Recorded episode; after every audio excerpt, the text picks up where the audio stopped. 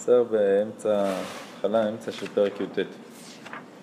אמרו זיכרונו לברכה, אמר רב יהודה, המאן דבאי למהווה חסידה, לקיים מילה דברכות. וזה למה שבינו לבין קונו. ואמרי לה לקיים מילה דנזקין.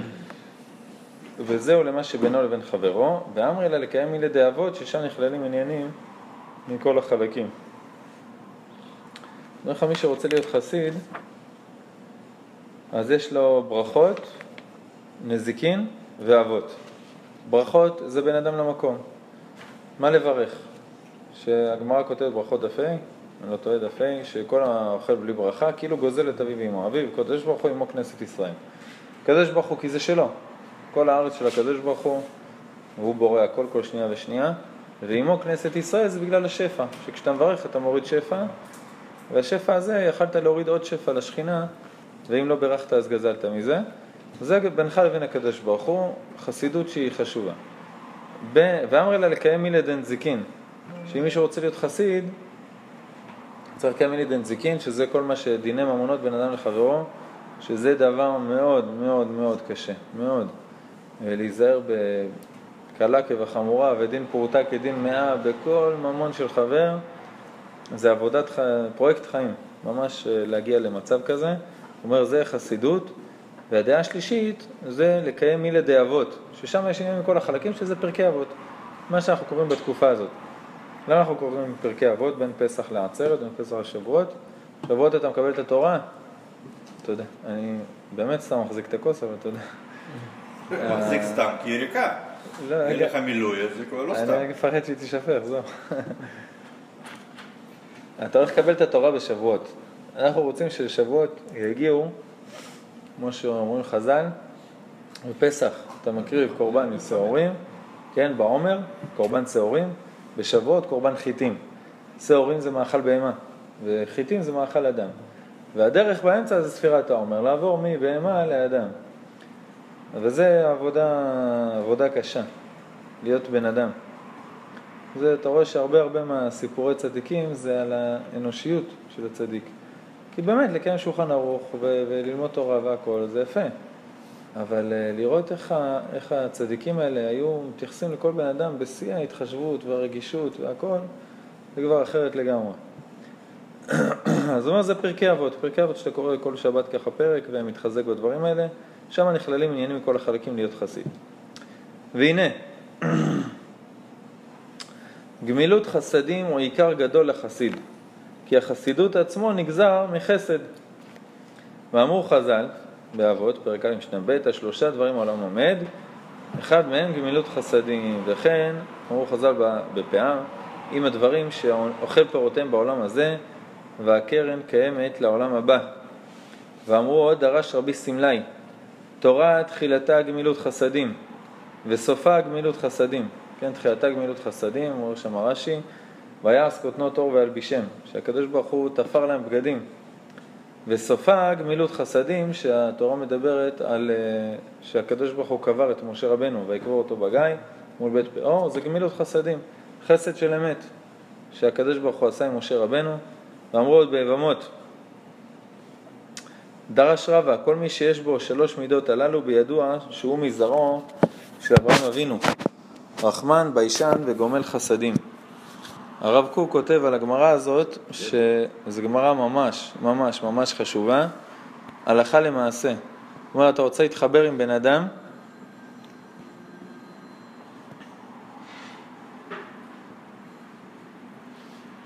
רגע, אתה רוצה להתחבר עם בן אדם? לצורך נישואים, לצורך עסקים, לצורך חברות, זאת אומרת, תבדוק אם יש בו רחמנות, ביישנות וגמילות חסדים.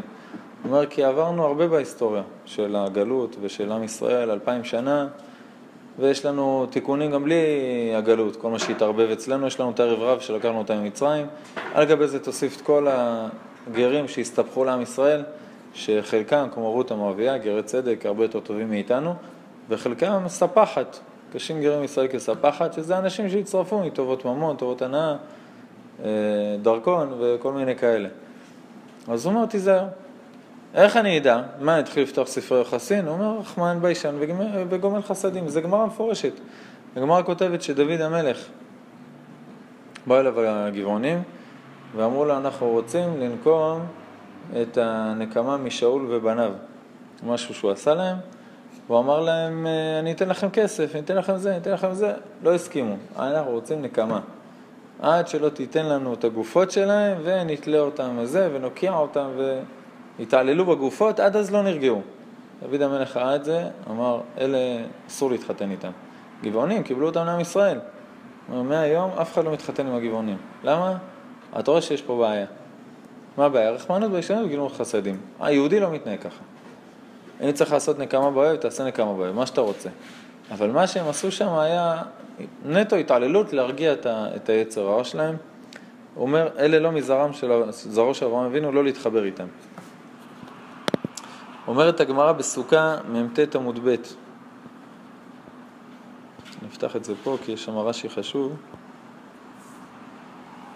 אמר רבי אלעזר, גדולה גמילות חסדים יותר מן הצדקה.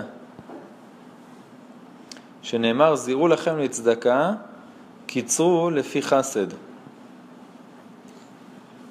נמצא את רש"י, אני אקריא לכם. הנה. קרא כתוב לזריעה צדקה, ואת החסד קרא קציר, ככה כותב רש"י. וטובה קצירה מזריעה כדי לפרש.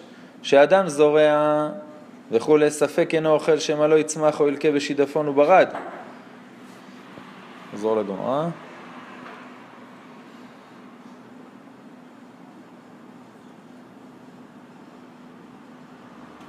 אם אדם זורע, ספק אוכל, ספק אין אוכל.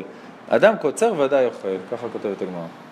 אז הוא אומר, הגמילות חסדים גדולה מיותר מן הצדקה, שנאמר, זירו לכם את צדקה, קיצרו לפי חסד.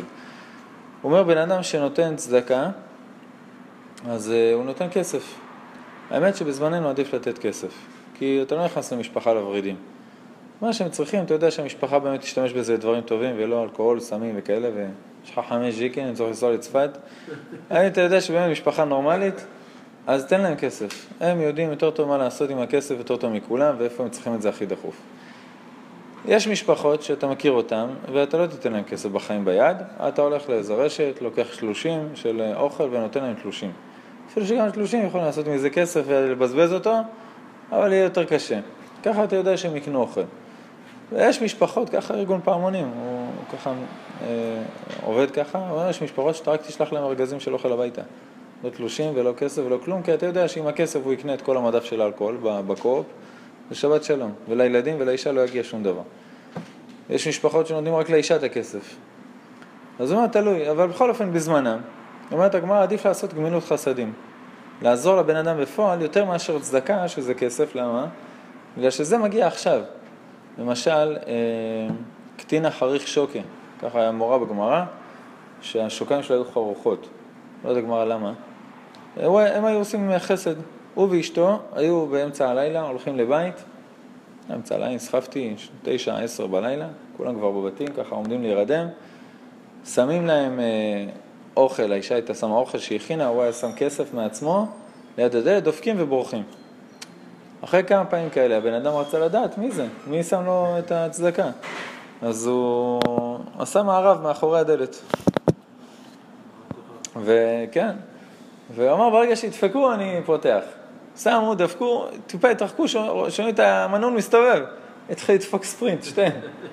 מבוגרים, אה, רצים, למה? שיהיה גמילות חסדים מהדרין, שהבן אדם לא יתבייש מחר לראות אותך בשוק ולא לא יוכל להרים את הפנים. והוא מתחיל לרדוף אחריהם בסמטאות, שמאלה, ימינה, אה, רצים, ראו תנור. קפצו לתוך התנור. למה? זו מפורשת, עדיף שיפיל אדם עצמו לכבשן ולא ילבין פני חברו. קפצו לתנור, עכשיו התנור עדיין רותח, רק קיבו אותו. יושבים שם בשקט. עובר חבר, אה, התייאש, הלך. קפצו החוצה מהתנור, האישה לא קרה לה כלום, והגבר נחרחו לה השוקיים. ככה קראו לו חריך שוקל, למה? כי זה היה מחמאה על מה שהוא עשה, זה היה מצווה גדולה. ואז הוא שאל את חכמים, למה, למה נשרפתי? אמרו לו, האישה מביאה אוכל מוכן. יושבים אוכלים. אתה מביא כסף, אה, עם הכסף ילכו לקנות אה, גרעינים של חיטה ויקטשו אותה ועד שיצא להם איזה אוכל, יצא להם הנשמה. זה טוב, עדיף מאשר כלום, אבל עליה זה הגן הזכות יותר. אז הגמילות חסדים, בזמנם, בכל אופן זה היה יותר. היום... תשמע, אתה קופץ לתנור, אתה צריך, צריך זכות, אין מה לעשות. גם טיפה, ברוך הבא, נכרח לו טיפה שוקן, לא שהוא נשרף, קביעות דרגה ג'. אבל עדיין, מה, זה מעצבן, מה, שנינו עושים מצווה, למה היא ככה ואני ככה? אני לא רוצה, רגע. אני מוותר. יחשבו שעלית לתורה. אז, אה, אז יש לך גמילות חסני צדקה. היום עם הכסף אתה יכול לקנות אוכל עכשיו, מוכן. אז זה, זה לא נורא. אבל פעם בזמנם זה, זה היה קריטי. אז אומרת לך הגמרא, זה לא לכם צדקה, קיצור לפי חסד, גדולה גמילות חסדים יותר מן הצדקה.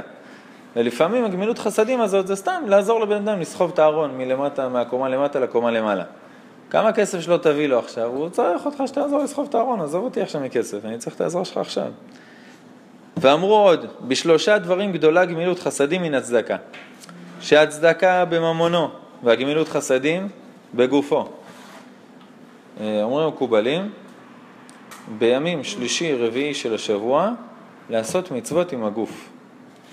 ביום ראשון ושישי, שזה יש תוספת של הנשמה, אתה עושה מצוות שקשורות למחשבה. כל השבוע אתה מניח תפילין, לומד תורה, הכל. אומר, מה שים דגש? אם יש לך אפשרות, עם הזמן והיכולות, אז ראשון ושישי עושים דגש על המחשבה. ייחודים, כוונות, חשיבה בעיון וכו'. אה, שני וחמישי, דגש על הדיבור, מצוות של דיבור.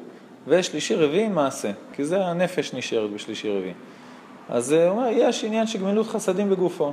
גם אם בן אדם נותן, נותן המון המון כסף וצדקה, חוץ מזה צריך שהגוף יזיע במצווה. אז אתה הולך לאפות מצות, ואני יכול לקנות מוכן. אה, אבל תזיע. הרי זה כותב, הזיעה מכפרת את הזיעה של העבירות, הזיעה של המצוות מוחקת את כל הרישומים של העבירות שנשארו לבן אדם. תזיע עם הגוף שלך, שהגוף שלך יעבוד על גמילות חסדים בגוף. לא רק שיהיה וירטואלי עם הכרטיס אשראי, שזה צדקה עצומה. תוסיף עוד יותר איכות, שהגוף יעשה את המצווה. צדקה זה לעניים, גמילות חסד זה גם לעניים וגם לעשירים. דיברנו הרבה פעמים שגמילות חסד זה לא רק כסף, זה הקשבה, זה תמיכה, זה עידוד, זה, זה הרבה דברים. זה גם לעשיר, העשיר במיוחד צריך את זה. צדקה לחיים, גמילות חסדים בין לחיים בין המתים, שחסד של אמת זה דבר מאוד גדול. ואמרו עוד, של הרב אליהו, זה יצא לסיפור, אה, אני לא זוכר את השם של הרב, אה, אה, הרב יעקב משהו, כתב סידור אמת ליעקב או משהו כזה, לא, לא, אחד מגדולי הרבנים של הדור לפני הרב אליהו. ויום אחד הרב אליהו בשיעור, מרדכי אליהו זצ"ל, נותן שיעור, והוא הזכיר חידוש מהרב הזה. אז מישהו מצביע, הוא אומר לו, הרב, יש לי בבית שטר הלוואה שהלוויתי לרב הזה, מישהו מבוגר, של איזה חמש לירות, סכום של שטויות. ואחרי שהרב נפטר, תליתי את זה, כאילו מסגרתי, תליתי את זה בבית, ש... כמו תמונה של צדיק. כאילו זה שטר שיש לי את החתימה של הרב, זה רב גדול. הרב אליהו החביר. אומר לו... הוא נשאר עוד חייב. מחלת לו על החוב, כתבת מחול, משהו, אומר לו, לא, מסגרתי, שמתי על הקיר. אומר לו, לך הביתה, תפתח את המסגרת, הכל, תרשום, מחול, נפרע, זהו, גם. הוא רץ הביתה באמצע השיעור.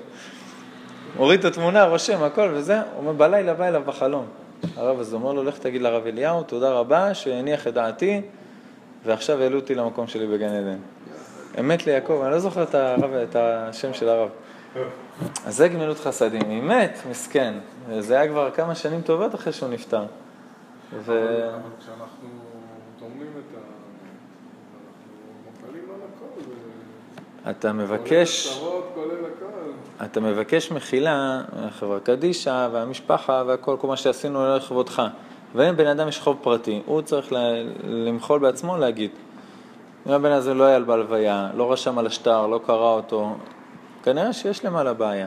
במיוחד צדיקים שאין להם מה לתפוס אותם על שום דבר אחר. אז זה הדבר היחיד שמפריע לו להיכנס עכשיו לגן עדן. אבל אותו אחד שרץ לחתור, אז בעצם מתי היה מחול? למה לא שאלו אותו? מי יודע על השטר הזה? היו מחכים עד שהיה מגיע למעלה ושואלים אותו שם, תגיד, אתה מוחל לו? צריך זכות מאוד גדולה שיגידו למת, תרד אליו בחלום, יש סיפורים כאלה, אבל צריך זכות גדולה שהמת יבוא שלוש פעמים בחלום ויגיד לו, אני אחנוג אותך אם לא תפתור את הבעיה הזאת. צריך זכות מאוד גדולה. סרט רציני, יש לי ספר בבית שקוראים לו בית דין של מעלה. סיפורים בדיוק על זה. הבן שלי התחיל לקרוא את זה, אני פעם מתחיל להחביר, להזיע, עזוב, עזוב. לקחתי לו את הספר. יש שם... הרבה סיפורים מעניינים. צריך זכות גדולה. כנראה ש... שהזכות הזאת עברה דרך הרב אליהו, שזימנו ככה בשיעור ו... וככה זיכו אותו. אז זה גמילות חסד מטורפת. אמרו עוד, הגמרא בשבת קנ"א, נתן לך רחמים וריחמך. למה פעמיים? רחמים וריחמך. כל המרחם על הבריות, זה הפעם הראשונה, מרחמים עליו מן השמיים. וזה פשוט, כי הקדוש ברוך הוא מודד מידה כנגד מידה. ומי שמרחם ועושה חסד עם הבריות, גם הוא בדינו ירחמו וימחלו לו עוונותיו בחסד, שהרי מחילה זו דינו, כיוון שהיא מידה כנגד מידתו. והוא מה שאמרו חז"ל, למי נושא עוון? למי שעובר על פשע. אתם רואים את המילים האלה? מחילה זו דינו? זה מאוד מרכזי הנושא הזה, מילה שחייבים לתת עליה את הדעת. הקדוש ברוך הוא לא הולך לפנים משורת הדין, הקדוש ברוך הוא עושה דין אמת. פה הדין אמת שלו, של הבן אדם הזה, זה שילכו איתו לפנים משורת הדין. זה האמת, למה? כי ככה הוא מתנהג. זה האמת שלו, אתה רואה? בן אדם שהאמת שלו זה רחמים, אז, אז הבית משפט יתנהג איתו ברחמים. זה מה שאמרנו. שהקפידו עליו או ש... זאת אומרת שיוותרו לו יותר או שיקפידו עליו יותר? יוותרו לו יותר, כמו שהוא ריחם. אבל אנחנו יודעים שצדיקים מקפידים עליהם יותר. אז, אז, זה שיקול אחד. מצד שני, אם הצדיק הזה הוא גם רחמן, אז, אז הקדוש ברוך הוא ישקלל את זה, זה יעזור. אם הצדיק הזה הוא צדיק מאוד גדול, אבל גם קפדן מאוד גדול, ייקוב הדין את ההר, לא שמאלה ולא ימינה. וזה מה שיכירו בו בשמיים. דמה למעלה ממך, איך שאתה מתנהג מידה כנגד מידה. מאז שנחרב בית המקדש, בטלו כל המידות, לא נשאר הקדוש ברוך הוא אלא מידה כנגד מידה. הדבר הזה מאוד יפה, כי אתה קובע את הדין של הבית משפט למעלה. אל תבוא בטענות. יש דרשה שלמה ששמעתי פעם מהרב הלוי, הרב שקרן שומרון, אשמור אותו, דרשה שלמה על uh, פרק בתהילים, שתיזהר מה אתה מוציא מהפה, גם רבי נחמן כותב את זה בפירוש, כי לפני ש...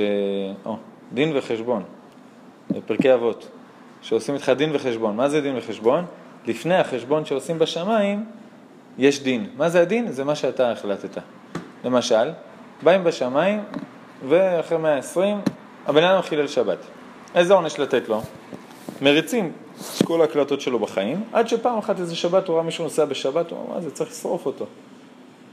עכשיו אנחנו יודעים מה לעשות לך. ככה זה רבי נחמן מפורש, ודרשה שלמה. אתה אמרת, מה אתה רוצה? איפה רואים את זה הכי טוב? דוד המלך עם כבשת הרש. בן מוות האישו, הוא אומר לו, זה אתה. למה? פרעה? התפרק. הוא בחר את המכה האחרונה. נכון מאוד. אתה רואה שתיזהר מאוד כמה, אה, שבת קכ"ז, גמרא בשבת קכ"ז, כל מי שמלמד אה, זכות, כף זכות, מלמדים עליו זכות, כן? פה אתה מלמד כף, זה קצת, מלמדים עליו זכות, כולך נהיה זכות. למה? הדין שלך בשמיים הוא במדור של כף זכות. למה? כי אתה החלטת, כי ככה אתה מתנהג. אז אה, עזוב אותך, החברים שלך, תתנהג ככה בשביל עצמך. אדם קרוב אצל עצמו. למד על כולם זכות מעכשיו. אלה שזרקו אבנים, שלא ייסעו בשבת, יסקלו אותם באבנים? אני הייתי אומר לך, יסקלו אותם באבנים, אבל ישמעו אותי למעלה, ירשמו את זה. לא, אתה לא אומר... גם עליהם צריך ללמד זכות. לא, אתה לא אומר שיסקלו אותם, אתה אומר שלפי ההיגיון הזה... לא, שלא יסקלו אותם. אני אומר שצריך להיזהר מה שאני מוציא מהפה, אתה צודק. אם אני קבעתי דין... אני לא קובע שיעשו, אבל ככה זה ההיגיון. אז הוא אומר. אמן, הוא אומר, תדע לך, דין וחשבון. אתה עושה את הדין, ולפי זה עושים איתך את החשבון למעלה. תיזהר מה אתה קובע לבן אדם מישראל על מה שהוא עשה, הכי כיף, ללמד זכות. אז הוא אומר, מי שמרחם ועושה חסד עם הבריות, גם הוא בדינו ירחמו וימחלו לו עוונותיו בחסד, שהרי מחילה זו דינו. זה, זה המידה שאנחנו מודדים לך, בדין. כשמידת הדין היא חסד, מידת החסד בכלל, אין לך מה להתווכח, אז הכל דבש, אין מי שיקטרג. הגמרא שואלת, אה, שבאו המלאכים לקדוש ברוך הוא, אומרים לו, איך זה יכול להיות שאתה נושא פנים לעם ישראל? כתוב לא יישא פנים ולא ייקח שוחד. אומר להם הקדוש ברוך הוא תשובה קצת תמוהה, אומר איך אני לא אשא פנים? אמרתי להם ואכלת ושבעת וברכת והם מברכים כבר אחרי כזית. אמרתי להם זה והם עושים כבר ככה. זאת אומרת, אומר עם ישראל בעצמם מהדרים. סליחה, לא משנה כמה אתה מהדר, הדין צריך להיות דין אמת. מה אתה רואה מהגמרא? שהדין האמת לעם ישראל זה ברחמים, זה נשיאת פנים. בגלל שאתה מברך כבר הכזית, עושה דקדוקים, מוסיף לעצמך עוד חומרות, חז"ל הרחיבו את התורה להרבה הרבה יותר רחוק, שלא תעבור על דאורייתא. הקדוש ברוך הוא אומר, גם אני בדין נושא פנים לעם ישראל, לא מתייחס אליהם כמו כולם. למי נושא עוון? למי שעובר על פשע. ומי שאינו רוצה להעביר על מידותיו, או אינו רוצה לגמול חסד, הנה הדין נותן שגם עמו לא יעשו אלא שורת הדין. כן, בן אדם שלא רוצה להעביר על מידותיו, זה יפה בשיעור, במזגן, לדבר על זה. אבל פתאום ברמזור, תופס לך את החניה, מישהו זורק לך איזה מילה, או בעבודה, או האישה, אמרה איזה משהו לא במקום. אני לא יודע כמה הרמח"ל יעזור, גם אם הוא יעמוד מולך ויגיד לך את השיעור בלייב, עולה לך סעיף לראש. הוא אומר, עזוב את כולם, אתה עכשיו דן את עצמך, אתה בטוח שאתה רוצה להגיד את המילים האלה, אתה בטוח שאתה רוצה ככה להתעצבן? תדע לך שזה נוגע ישר ישר לדין שלך. או אינו רוצה לגמול חסד. תעוף מפה, הולך לעבוד, מה אתה רוצה ממני, מה אתה עושה צדקה? הנה הדין נותן, שגם אם לא יעשו לשורת הדין. אתה, מי הוא זה ואיזה הוא שיוכל לעמוד אם הקדוש ברוך הוא עושה עמו שורת הדין?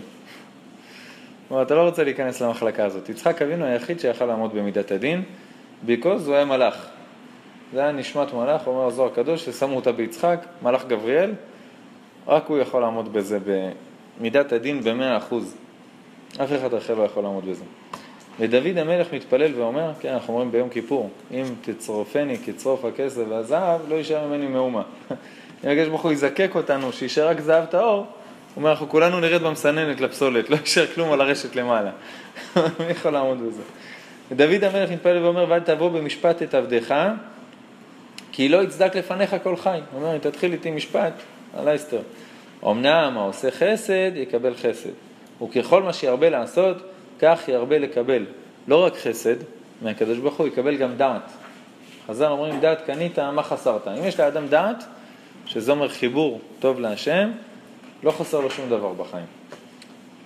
גם כי דעת זה הצינור של כל הספירות, וגם כי יש לו אמונה מאוד חזקה, אז באמת הוא יהיה מסודר. ואם דעת חסרת, מה קנית? אם דעת אין לבן אדם, לא יעזור שום דבר. כתר, חוכמה, בינה, חסד, גבורה, לא יעזור, אין לו מה לעשות עם כל זה, בלי דעת. מי שאין בו דעת לא מרחמים עליו. אז הרב פרץ, צריך להשיג, קדוש לברכה, אמר לנו פעם, איך אני משיג דעת? אם דעת זה הכי חשוב, בדעת חדרים מלא, או דעת ימלא כל הון יקר ונעים, הכל זה דעת. איך אני משיג את הדעת? תעשה חסד. למה? כי מי שאין בו דעת, אסור לרחם עליו. אבל הקדוש ברוך הוא חייב לרחם עליך, עשית חסד, הוא צריך להחזיר לך מידה כדי מידה. אבל אין בו דעת, מה יעשה? נותן לך דעת, ואז מרחם עליך. כדי שיוכל להחזיר לך מידה כדי מידה. זאת אומרת, אתה רוצה דעת? תעשה כמה שיותר חסדים. דבש. ודוד היה מתעלל במידתו זאת הטובה, שאפילו לשונאיו היה משתדל להיטיב. וזהו מה שנאמר, ואני בחלותם לבושי שק, הנאתי בצום נפשי. מה זה בחלותם? שהם היו חולים, השונאים שלו, השונאים של דוד ניסו להרוג אותו. לא שהם כתבו עליו בפייסבוק אה, כל מיני קללות. ניסו להרוג אותו, ניסו לעשות מרד כל שנייה. וכשהם היו חולים, לבושי שק הנאתי בצום נפשי. עשה עליהם צומות כדי שיהיו בריאים. איפה אתה מוצא דבר כזה? לצום בשבילו. ואומר, אם גמלתי שולמי רע, אם אני החזרתי למישהו שעשה לי משהו, אם החזרתי לו רע, בחיים לא. רגע, אבל דוד נתן לו הוראות לממשיך דרכו. הוראות מפורטות. המפרשים שם שואלים למה. הרי אם מגיע לו מיטה, תהרוג אותו. אם לא מגיע לו מיטה, למה אתה משאיר בצבא הוראות שלא ירד, אה, לא- להוריד את צוותו שעולה? אז אומרים שם מפרשים, גמרות, מפורשות. אומרים מצד אחד הוא חייב מיטה. מצד שני דוד המלך אומר, אני מפחד שאני נגוע. בעצר של הנקמה, בזה. אז הוא חייב מיטה? שלמה יהרוג אותו, אבישי יהרוג אותו, אני אתן לאנשים לעשות את העבודה. אבל אני יכול להיות נקי שלא עשיתי את זה מתור נקמה ועצבים, אלא רק כי באמת הגמרא כותבת שהוא חייב מיטה בגלל שהוא פגע במלך. אז טוב, חבר'ה, תדאגו שהוא ימות. אבל uh, אני אישית לא מחזיר לו. ככה הוא יצא משתי נקודות, כי מלך שמחל לכבודו, כבודו לא מחול. אז יש לו מצווה עכשיו להרוג את הבן אדם הזה. אז זה דווקא מוכיח שהוא רוצה לעשות את זה הכי נקי שיש. ובכלל העניין הזה, שלא לצייר לשום בריאה אפילו בעל חי, ולרחם ולחוס עליהם. לכן הוא אומר, יודע צדיק נפש בהמתו. וכבר יש שסוברים, מחלוקת בגמרא בשבת, צער בעלי חיים דאורייתא ועל כל פנים דרבנן. שאלה בפוסקים, אתה רואה נמלה, הלכת, ואז שמת לב שדרכת על איזה נמלה. עכשיו אתה רואה אותה חצי מאורחה, סובלת, גוססת. יש דיון האם אני יכול לדרוך עליה להרוג אותה, כי צער בעלי חיים דאורייתא לפי דעה מסוימת. ולהרוג אותה על דרך הילוכו זה דרבנן כלאחר יד, אני רק הולך והיא מתה. יש דיון, מה לעשות? אומרים, זה לא סגור שזה דאורייתא, שב ואל תעשה, עדיף בשבת השאלה. ביום חול תדרוך עליה ישר. נכון? כי להרוג בעל חי, אין איסור. אין איסור להרוג בעל חי. אין לו נפש ש, ש, ש, אה, שאם אתה שופך אותה, יש עליה איסור של דם האדם, שופך דם האדם, דמו באדם, דמו יישפך. אין את זה. אז אתה יכול להרוג כמה שאתה רוצה בעלי חיים, בתנאי שאתה לא... גו- יש איסור כללי, לא לא רגע, רגע. רגע, אתה יכול להרוג בעלי חיים כמה שאתה רוצה, נוסיף את הכוכבית עוד רגע, אם זה לצורך של האנושות, זאת אומרת לעשות ניסויים, דברים כאלה, ואם זה בלי סבל. אם בלי, כי סבל, יש איסור מחלוקת דאורייתא או דרבנן, צער בעלי חיים. להרוג, אין בעיה. עכשיו, אפילו עלה, אתה לא כותב סתם. בגלל שכל עלה יש מלאך שאומר לו גדל, וכל דבר שהקדוש ברוך הוא עשה בעולמו, הוא לא ברא אותו סתם. אז אני לא עושה עכשיו אה, ציד להנאתי של אה, אווזי בר, אבל אם יש צורך, אז אין בעיה, רק בלי צער. בסדר? החרקים שאנחנו מרססים בכמויות, כל האלה. אתה לא הולך, אתה לא הולך למושבת הרמיתים ומרסס אותם להנאתך. לא. הם אצלך בבית. זה לא גם. כן, אצלך זה לא בבית, על בגינה. יתושים. זה מה? אני בטוח שזה לא תקף על יתושים. תושים זה מלחמה אחרת. זה חוקים אחרים. אין חוקים. אין חוקים. אני גם בבית לא אוהב אותם. גם לא? לא אוהב. אם אתה ארונות מטבח, אם הארונות מטבח מלאים לך בנמלים, זו לא שאלה שאני רוצה או לא רוצה. זה נכנס לך לאוכל, אין מה לעשות. אני אוהב ג'וק, אני פותח את הדלת. בסדר, אין בעיה, אבל אתה לא משאיר אותו בבית. אני עושה את זה, אבל אם זה יתוש, אם זה פעם אחת לא יודע, אני לא אוהב אותם. שבת. פעם שנייה, אתה מזהיר אותו. לא, שים משהו עם נהיה יותר. ארוך. תדליק מזגן, שים. זה, לא יקרוץ אותך. כללו של דבר, תדליק ביום חמישי. כללו של דבר, הרחמנות וההטבה צריך שתהיה תקועה בלב החסיד לעולם. ותהיה מגמתו תמיד לעשות קורת רוח לבריות, ולא לגרום להם שום צער וכולי. לפעמים האכזריות זה הרחמנות של הבן אדם הזה. בסדר, כל דבר, אה, כל, אה. כל עניין והשיקולים שלו, אבל לפעמים צריך להתאכזר בשביל לרחם על בן אדם. אתה רואה שארגון פעמונים מגיע למשפחה, גוזרים להם כרטיסי אשראי, פנקסי צ'קים, מה, מה שרק אפשר, תביא נגזור. מה זה האכזריות הזאת? מה, איך אתה מתנהג אליהם? צריך שהבן אדם מפתח מאזן כלכלי אחר. זה לא פשוט. אני לא יכול לתת דוגמה יותר פשוטה שזה. וואי. לא זאת אומרת אפילו שהוא לא נגע בך, רק המכשירים שהיא מפעילה. לא עכשיו ילד שמגיע לשם זה צער מאוד גדול. צער בעלי חיים. זהו, גם הוא לא סולח לך, וגם הסליחה שלו לא שווה הרבה, השם יעבור. וזה רק שינוני. החלק השני מן החסידות הוא באופן העשייה. מה זה אופן העשייה? הוא אומר, נכלל שני עניינים וגם תחתיהם נכללים פרטים רבים. זהו, ידבר עליהם אחד-אחד. הראשיים הם היראה והאהבה. שני עמודי העבודה האמיתית שזולתם לא תיקון כלל, כמו שכותב הזוהר הקדוש, שהוא קורא להם טרן גדפין. שתי כנפיים של עבודת השם, של עובד השם, צריך כנף ימנית אהבה, כנף שמאלית יראה. שזה קשור למה שאנחנו שרים בשבת, שמחים בבואם ו... ששים בבואם. שמחים בצאתם. ששים בבואם. ועושים באימה. רצון קונה. שזה העניין של העירה. זה המלאכים. מלאכים עובדים ביראה. וגם אנחנו שאנחנו עובדים יותר. אנחנו צריכים גם וגם. בעצם יראים אה, במהלך הביצוע. אה, אנחנו צריכים שני כנפיים. יש, אם אני לא טועה, ב... יש, יש איזה טייס שנחת עם כנף אחת. אני זוכר שפעם אחת קראתי על זה. ככה אומרים, האמריקאים אומרים שזה שקר. לא יודע, אני לא אנסה את זה, אל תדאג. קודם כל ראיתי, אבל מטוס פייפר, לא מטוס... אה, הסיפור על F-15, לא, האמריקאים לא, לא, מטוס פייפר. ראיתי שמישהו הורג את הסרטון איך שהוא נוחת עם כנף אחת, אבל זה נראה הזוי. אם זה אצלנו יכול להיות. גם בלי כנף. איך אמרו לסורים?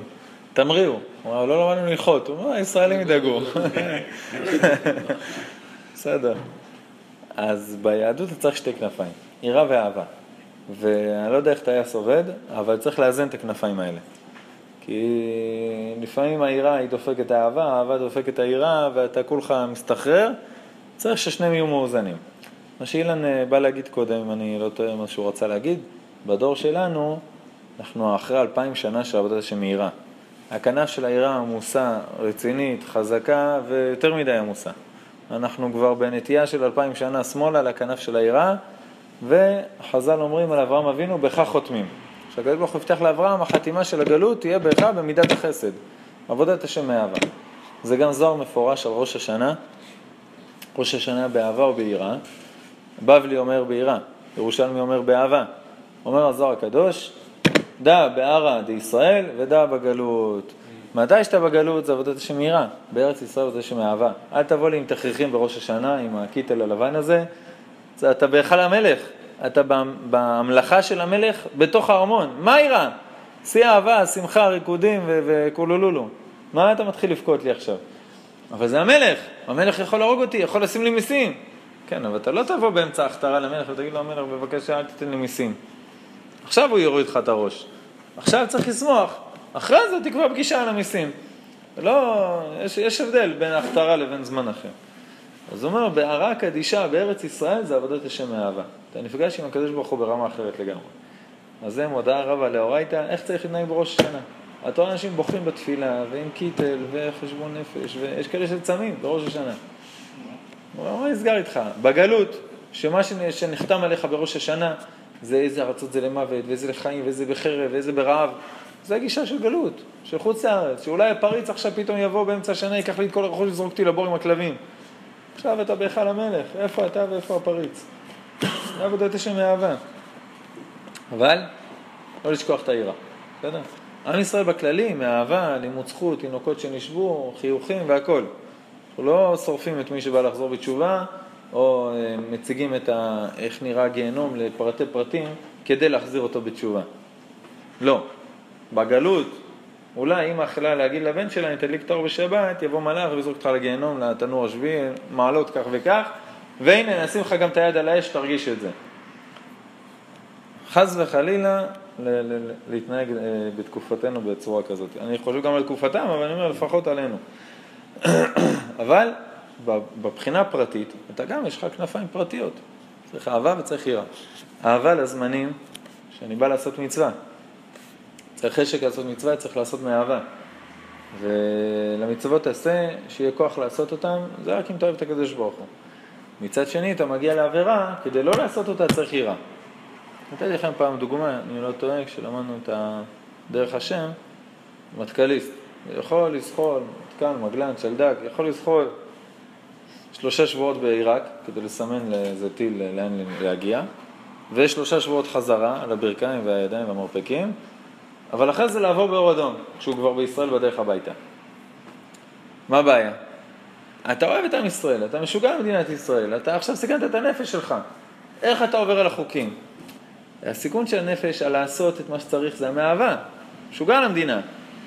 אבל עירה אצלו לא עובדת, הוא לא פוחד מהמדינה. לא פוחד שיורידו לו את הראש, ואם אין שוטר, אז הוא מסתכל עצמו ימינה, אין מצלמה, אין שוטר, עובר. זה כמו שני הערבים האלה שהגיעו לגשר, ורואים 2.60. הוא אומר, אחמד, אנחנו שלוש מטר. אז הוא אומר, לא, אין שוטר, תעבור. ראיתי פעם את הקו 99 בירושלים, התיירים עם השתי קומות, בא להיכנס למנהרה שם מתחת לכיכר צה"ל. נעצר ברגע האחרון, נזכר שיש לו קומה שנייה, מישהו גילח שם את כולם. אז אתה צריך אהבה ויראה, שהמצוות תעשה, מצוות לא תעשה, ועם כל האהבה שיש לך, כשמגיעה עבירה שלא לעשות אותה צריך יראה. לכן לפעמים חשוב לקרוא בזוהר הקדוש, בראשית חוכמה, כל מקומות העניין של היראה. בתור גדר בטיחות, בתור ככה לשמור אותך בגבולות גזרה. אז אומר, היראה ואהבה זה שני עמודי עבודה אמיתית שזולתם לא תיכון כלל, עבודת השם לא תצליח. בכלל היראה יש הכנעה מלפניו יתברך, בושת, בושה, בקרוב אל עבודתו, וכבוד הנעשה למצוותיו, אל שמו יתברך ואל תורתו. ובכלל אהבה, שמחה, דבקות וקנאה ואתה נבערם אחד אחד בזוגות. הנה עיקר היראה. עיקר היראה היא יראת הרוממות, שצריך לחשוב, צריך האדם לחשוב בעודו מתפלל או עושה מצווה, וזה אמרנו, חסידים ראשונים היו חושבים על זה שעה. שעה לפני התפילה, היו יושבים ומתבוננים על העמוד הזה שהרמח"ל עכשיו כותב. והתפילה שלך אחרת לגמרי. בן אדם מגיע לתפילה ולפני זה יושב חושב את הדברים האלה, עובר על העמוד הזה, התפילה שלו אחרת. זה לא ללחוץ לכפתור ולהיכנס באמצע אשרו של מנחה, לסיים, להיכנס לערבית, אה, עשיתי וי וי וי ויצאתי. זה תפילה. אתה עושה עכשיו פעולות בשמיים, אתה מדבר עם השם, השם עונה לך, אתה בונה את העולמות, אתה, אתה עושה דברים, אתה פועל. צריך האדם לחשוב בעודו מתפלל או עושה מצווה, כי לפני מלך מלכי המלכים הוא מתפלל או עושה המעשה ההוא. דוגמה קטנה, כתוב שבגמרא, שכשאדם יושב ולומד תורה, הקדוש ברוך הוא שונה כנגדו. הקדוש ברוך הוא יורד מולו ושונה כנגדו, ועל כל מילה ומילה שהוא אומר של תורה, הקדוש ברוך הוא נותן לו נשיקה לפה, משכן עם נשיקות פיו. אם היינו באמת מרגישים את זה, את הגמרא הזאת, באמת מודעים לזה ולומדים את הנפש החיים והכל באש, לא היית מסוגל ללמוד תורה בישיבה. הרב אלחרר נכנס פה, היית ממשיך לשבת? הרב הראשי נכנס לשב, אבו בסן נכנס לשב. תקפוץ ראש לתוך הג'ורה לפני שאתה שים רגל על רגל ותגיד, אה, אני לא קם בפניך. למה הקדוש ברוך הוא פה ואנחנו יושבים? שאלה? אז קודם כל הגמרא כותבת שעד אה, שלב מסוים, לפני שיצאו לגלות, ממתן תורה ועד שלב מסוים, שירדה חולשה לעולם, למדו תורה רק בעמידה. איך, איך אתה מסוגל לשבת כשאתה לומד תורה? עכשיו הקדוש ברוך עומד מולך. 18, אתה עומד דום, הרגליים רגל ישרה כמו המלאכים לא זז, לא פותח את העיניים אפילו, כדי לא להסתכל על השכינה, זו חוצפה. גם לימוד תורה צריך לראות ככה. אבל ירדה חולשה לעולם, התירו ללמוד תורה בישיבה כדי שאנשים יוכלו ללמוד. אם הלימוד תורה יהיה רק בעמידה דום, אני אלמד הרבה פחות. עדיף שתלמדו מאשר ש, שזה יהיה בעמידה. אז התירו לשבת בלימוד, אבל, אבל צריך היתר, כי זה באמת רציני. אז הוא אומר, זה סתם דוגמה שאתה מתבונן מה אתה עושה. והוא מה שהזהיר התנא, כשאתה מתפלל, דע לפני מי אתה מתפלל. והנה שלושה דברים צריך שיסתכל האדם ויתבונן היטב כדי שיגיע לזאת העירה. האחד, שהוא עומד ממש לפני הבורא יתברך שמו ונושא ונותן עמו, אף על פי שאין עינו של האדם רואו. ותראה כי זהו היותר קשה שיצטער בלב האדם ציור אמיתי להרגשה הזאת. יעני אין החוש עוזר לזה כלל. אני רואה פה קיר, אני לא רואה פה את הקדוש ברוך הוא, שרפים, אש ועוף שיעבור מעליי יישרף. צריך הרבה אמונה בשביל להתפלל ככה, לדעת שאני באמת אה, עושה דברים עכשיו בשמיים, שהשכינה יורדת כנגדי וכולי. אתה רואה שזה אפילו בהלכה, שאסור לעבור כנגד המתפלל, זה לא חסידות. הלכה, דלת אמות מקדימה, אתה לא יכול לעבור. אמנם, מי שהוא בעל שכל נכון, במעט התבוננות ושימת לב, יוכל לקבוע בליבו אמיתת הדבר. איך הוא בא ונושא ונותן ממש עמו יתברך, ולפניו הוא מתחנן ומאיתו מבקש, והשם יתברך מאזין לו ומקשיב לדבריו, כאשר ידבר איש רעהו, ורעהו מקשיב ושומע אליו. אם אתה בא לתפילה, ואתה לא אומר את התפילה קבע, כן? לא, לא, לא יעשה אדם תפילתו קבע, אלא תחנונים. אתה לא אומר כי אתה על פליי ואתה זוכר את המילים ואתה רגיל. אתה אומר את זה ואתה מתבונן כאילו מישהו עכשיו שומע אותי והולך לעשות כל מה שאני אומר. אז רגע, אז מה אני אומר לו? אתה חונן לאדם דעת, למד לאנוש בינה, חונן אותך חכמה בינה ודעת. כי אתה ממש מדמיין שאתה מדבר עם מישהו ומבקש ממנו, חונן אותך חכמה בינה ודעת. ברוך אתה השם חונן הדעת, סלח לנו, רפאנו. אתה, אני מדבר איתך ואתה מקשיב ושומע ואני עכשיו נותן לך רשימה של בקשות. ואחרי זה שבח, פותח בשבח, אחרי זה בקשות, אחרי זה מסיים בשבח.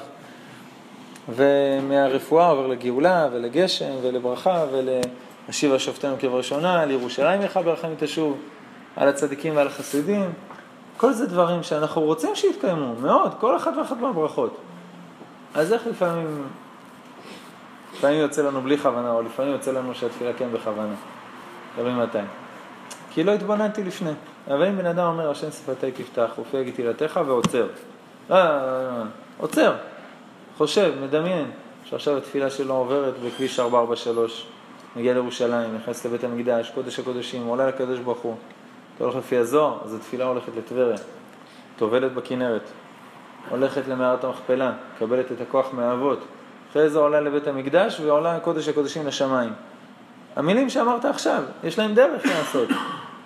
ועכשיו כל מה שאתה אומר עולה למעלה לקדוש ברוך הוא. גם אם כיוונת וגם אם לא כיוונת, זה יעלה לקדוש ברוך הוא. אם לא כיוונת, אז לא אם אתה ביחיד או בציבור. ביחיד, בלי כוונה, התפילה נכנסת למחסן, זה זוהר מפורש, נכנסת למחסן של תפילות פרטי שלך. יש לך אה, לוק, לוקר כזה, איזה תא כזה, מכניסים את כל התפילות בלי כוונה. אם זה בציבור, תמיד זה עולה ישר להשם. מה עם התפילות שעשו ביחיד ובלי כוונה? מחכות. ברגע שתגיע תפילה אחת בכוונה, היא תיקח איתה את כולם. זאת אומרת, כל מילה שאתה אומר תגיע לקדוש ברוך הוא או עכשיו או אחר כך. אם זה בציבור עכשיו, אם זה יחיד בכוונה עכשיו עם כל התפילות, אם זה יחיד בכוונה אז עוד מעט. איך, אתה מוכן שהיא תגיע? הקדוש ברוך הוא רואה גם את המחשבות ברגע שאמרת את המילה הזאת. אז השם שפתי תפתח פגתי יתך, ואחרי זה בסוף אתה אומר, יהיו לו רצון לפי והגיון ליבי. הלב שלך גם, אתה תשמח שהוא יעלה. ואז התפילה נראית אחרת. לעצור חמש דקות לפני התפילה, לעצור דקה שלמה אפילו, אחרי השם שפתי תפתח, ברוך הבא. אחרי השם שפתי תפתח, תעצור דקה, תחשוב על זה. התפילה אחרת לגמרי. אחרת לגמרי, לגמרי, לגמרי. ואחר שיקבע את זה בדעתו, צריך שיתבונן על רוממותו יתברך, שהוא מרומם ונשגב וכל ברכה ותהילה, כל מיני שלמות שתוכל מחשבתנו לדמות ולהבין. אז אתה מתבונן על הגדלות של הקדוש ברוך הוא, שבתניא הוא מביא עצה. גדול לי מדי, גדלות השם יתברך. אין לי איפה להדפיס את המחשבה בדבר הזה. אז הוא אומר, תיקח מישהו שאתה מכיר, הרב אליהו, בבא סאלי, בבא מאיר, רבי שמעון בר יוחאי, רמח"ל, בן איש חי, דברים שאתה מזדהה עם הדמות, שאתה קולט את העוצמות של הדמות הזאת, ותתחיל לעלות ממנה. מי היו רבנים שלה? זה לא משהו שאתה יכול לעשות לפני, אין לנו שעה לפני התפילה, אבל פעם בכמה זמן זה כדאי. מי הרב של רבי איש חי? מי היה הדור לפני הרב אליהו, בבא סאלי וכולם? מי היה הדור שלפניהם? אורחן הקדוש, שולחן ערוך, אריזל, עפר ואפר לרגלם. הם עפר ואפר לרגלי האחרונים, שזה השח, תז, כל המפרשים האלה של השולחן ערוך. הם, כל דבריהם היו לפי הקבלה. כל סוגיה וסוגיה, היו בודקים את הסוגיה מאחורה על פי הקבלה, ורק אחרי זה פוסקים בפשט, עד השח והתז. ותעבור לפני, לפניהם, ואחרי זה לראשונים, רש"י, הרמב"ם. מה אתה יכול להגיד בכלל? לפני הראשונים היה את הסבוראים, הגאונים, לפני זה האמוראים, לפני זה התנאים, וזה עוד בכלל לפני שהגעת למלכי בית דוד, לנביאים, לאבות, למשה רבנו, אדם הראשון. אחרי שאתה מתחיל לקלוט מה זה אדם הראשון, שהמלאכים היו בטוחים שזה הקדוש ברוך הוא, רק הוא אמר להם, לא, זה לא אני. השם הוא שם, בואו ונכרע יחדיו, בואו, גם אני אעזור לכם להשתחוות אליו. אבל היו בטוחים שזה הקדוש ברוך הוא מרוב עוצמות. מלאך שהוא התבלבל בין הקדוש ברוך הוא לבין משהו אחר, זה צריך משהו רציני. אז מה זה השם יתברך? פתאום אתה מתחיל לקלוט כמה אתה אפס לעומת הדבר הזה. ועכשיו הוא, הדבר כל כך עוצמתי הזה עוזב את כל העולמות, ובא להקשיב מה אתה אומר עכשיו בתפילת מנחה של איזה יום אפור. אתה לא תתחיל כולך לרעוד. אם תעבור את התהליך הזה לאט לאט ותתבונן, אתה לא, אתה לא תהיה מסוגל להתפלל. היה חסיד אחד שבא לאדמו"ר ואמר לו, אני רוצה שהרב יתפלל, שיהיה לי את היראת שמיים של הרמב"ם. הוא אומר לו, זה לא, אין לך כלים להכיל את זה בכלל. אחד מגדולי הראשונים, לפני 800 שנה, מה אתה מדבר? התעקש, התעקש, התעקש, הוא אמר לו, טוב, הלך הפינה, התחיל להתפלל להשם. מסיים את התפילה, מסתובב, רואה אותו בוכה מתחת לשולחן, ככה עם ידיים על הראש, מתחת לשולחן, זה, אומר לו, הרב, תיקח את זה. אז פתאום קולט נוכחות של השם פה לידך עם כל העוצמות, אתה צריך כלים להכיל דבר כזה. אבל לא צריך להתפלל בכלל. עכשיו תשווה תפילה של מנחה של יום כיפור, שאתה כולך לבן ומלאך, עם כל ההתבוננות וכל מה שהכנת, כל אלול וסליחות, לבין מנחה של יום רביעי בצהריים של כ"ב חשוון, שאתה ככה עוצר רגע את העבודה, רץ מיד להשלים עניין, עשר דקות יוצא החוצה. יש לנו איפה לשפר, יש לנו איפה להתקדם, ומה? התבוננות, רק התבוננות. השכל כבר יאיר את המידות של הלב, והמידות של הלב יאירו את הרגש, הרגש זה אהבה ויראה, איבה ויראה אמרנו זה הכנפיים, זה מה שמעלה את התפילה למעלה. ועוד צריך שיתבונן על שפלות האדם ופחיתתו לפי חומריותו וגסותו, כל שכן לפי החטאים שחטא מאודו. גם אם אתה צדיק מושלם הכל, אתה בשר ודם. אתה הולך לשירותים, אתה נוצרת, איך שאומרים אה, חכמי המוסר, הגעת ממעבר השתן, ומה שישאר ממך זה רימה ותולעה. איפה, ברוך מה אתה כל כך מתלהב? מה כל הווסח והרעש וצלצולים שאתה עושה? לא בהתחלה ולא בסוף לא יישאר ממך משהו כזה איי איי איי. וזה אם אתה צדיק. הוא אומר, אם אתה מוסיף חטאים על מה שאתה כבר פחות וחומרי וגס, על כל אלה אי אפשר שלא יכרד ליבו ולא ירעש, בעודו מדבר דבריו לפניו יתברך. הוא מזכיר בשמו, הוא משתדל לרצות לו, למה מי אתה שתדבר עם הקדוש ברוך הוא בכלל? והוא מה שאמר הכתוב, עבדו את השם ביראה וגילו בירדה. וכתיב אל נערץ בסוד קדושים רבה ונורא על כל סביביו. כי המלאכים להיותם יותר קרובים אליו יתברך פני הגוף החומרי, יותר קל להם לדמות שבח גדולתו. על כן מוראו עליהם יותר ממשהו על בני אדם. אמנם דוד המלך עליו השלום היה משבח ואומר, אשתחווה לך על קודשך ביראתך. וכתיב, כן, אנחנו אומרים את זה, אמורים להגיד את זה בבוקר כשנכנסים לבית הכנסת, אם נכנסים לבית הכנסת ביום חול עם טלית ותפילין, אתה יכול להגיד, ואני ברוב חסדיך, שזה אברהם, אבוא ביתך יצחק, אה, יעקב, אשתחווה לך קודשך ביראתך, שזה יצחק, שזה אתה לוקח את הזכות של שלושת האבות שתעזור לך בתפילה. אומר החידה, אם אתה לא עם טלית ותפילין, אל תגיד את זה. רק עם התפילין זה נקרא שביראתך, שאתה באמת עם יראה על הראש, ויראו כל עמי הארץ שהשם נקרא עליך ויראו ממך אלו תפילין שבראש. אז אם אתה לבוש, תלוי תפילין או בשבת, שאין שבת, אתה יכול להגיד את זה בכניסה לבית הכנסת.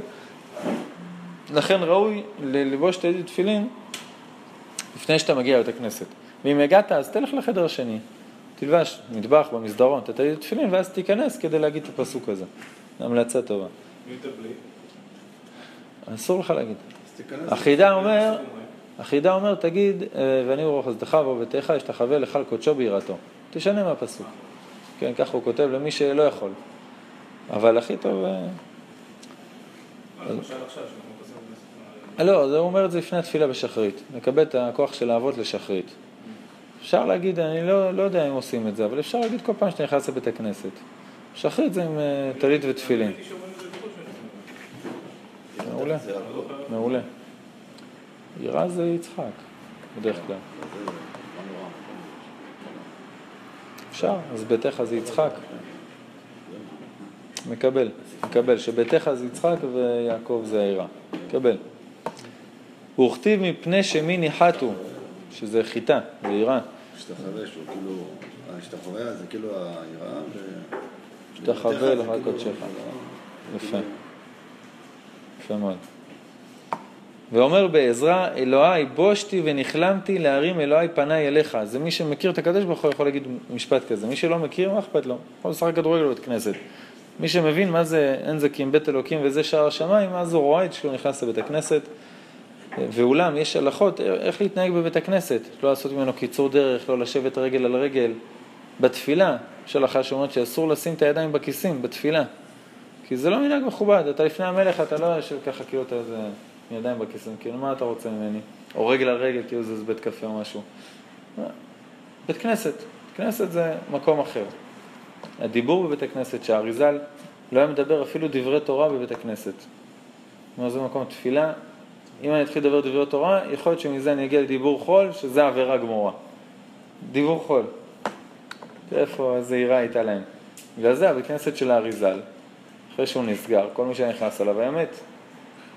עד שנעלו אותו, עד שהבבא סאלי הגיע, פתח אותו חזרה עם תפילות וייחודים, ומאז אפשר להיכנס. אבל אה, מרוב עירה ושימוש הקדושה בבית הכנסת, זה נהיה קודש הקודשים. עזר הקרב יומן, כפשוטו, באמת. תראה מה זה יראה של הצדיקים. ואולם היראה הזאת צריך שתגבר בלב תחילה, ואחר כך תראה פעולותיה גם באיברי הגוף. למה? כי לפעמים בן אדם כאילו מתננד ועף וזה, ובפנים הוא חושב על משהו אחר. הוא אומר, אל תשחק, אל, אל תעשה פוזות. שהלב שלך ירעד, אחרי זה תעשה את זה בגוף, בצורה החיצונית, להראות לכולם שאני רועד. הלא המה, כובד הראש וההשתחוואה, שפלות העיניים וכפיפת הידיים כעבד קטן לפני מלך רב. זאת אומרת, תעשה התבוננות, תגיע בלב למקום הזה, בנפש, של שפלות ויראה ובושה מהשם, ואז תוריד את הראש, תשים את הידיים על החזה ו- ו- ותתנהג בשפלות. אל תהיה צבוע. הרב כהנא מספר אה, הוא היה בישיבת כלם, אם אני לא טועה, ישיבה של חכמי המוסר. הוא אומר, הוא, עוד לפני השואה, הוא אומר, הוא לא ישכח את הדרשה הראשונה של חודש אלול שהמשגיח אמר. מה, מה הייתה הדרשה? על הבן אדם שעומד במזרח עם הטלית על הראש, וכולו רעש וצלצולים ופוזות, אבל בראש מה יש לו מחשבה אחת? איך כולם חושבים עליי מאחורה? ואיזה תנועה אני אעשה כדי שיחשבו שאני עכשיו מכוון בתפילה. ויש בו חורי כליות ולב, על זה אתה חושב במזרח, זה מה שמעניין אותך כל התפילה. זה, זה עצוב, עצוב. או שהקמרנה מספר על חסיד אחד שהתחתן עם איזה עשיר, נתן לו עליית גג, אמר לו, פה תשב, תלמד תורה, אני עליי, כל מה שאתה רוצה עליי, תשב, תלמד תורה. הוא לא היה בראש לו ללמוד תורה, אבל הוא רצה להתחתן עם הבת של העשיר. אז הוא ישב שם עם, עם איזה קש בפה ולא עשה כלום כל היום. אבל כל פעם שהיה שומע רעש, היה מתחיל להיכנס לשטייגן. תופס את הספר, סברות עם האגודה לכל, היה בטוח שהם מסתכלים עליו מאחור של המנון. אחרי כמה שנים, הוא קלט שהיה חתול שגר בעליית גג, והוא עשה את הרעש. הוא אומר, כל הלימוד תורה שלו היה בגלל חתול. אה, זה עצוב, זה עצוב הנקודה הזאת, ברוך הבא. וכן אמרו בגמרא, רבא פחר ידהו מצלה, אמר כעבדה קמא מראה. זאת אומרת, ממש עם הידיים היה מרגיש כאילו עומד לפני האדון, ורק אז הוא מתפלל. מנה דיברנו עתה מן ההכנעה ומן הבושת.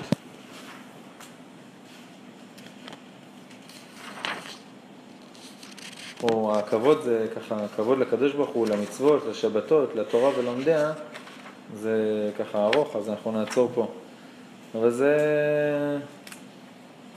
זה עבודת השם, זה לא מצוות אנשים מלומדה, זה פה אתה מתחיל ככה ל... להתנהג אחרת, להרגיש את עבודת השם, שזה ייכנס, כל עצמותיי תאמרנה, ולהגיע לתפילה מהנקודה הזאת.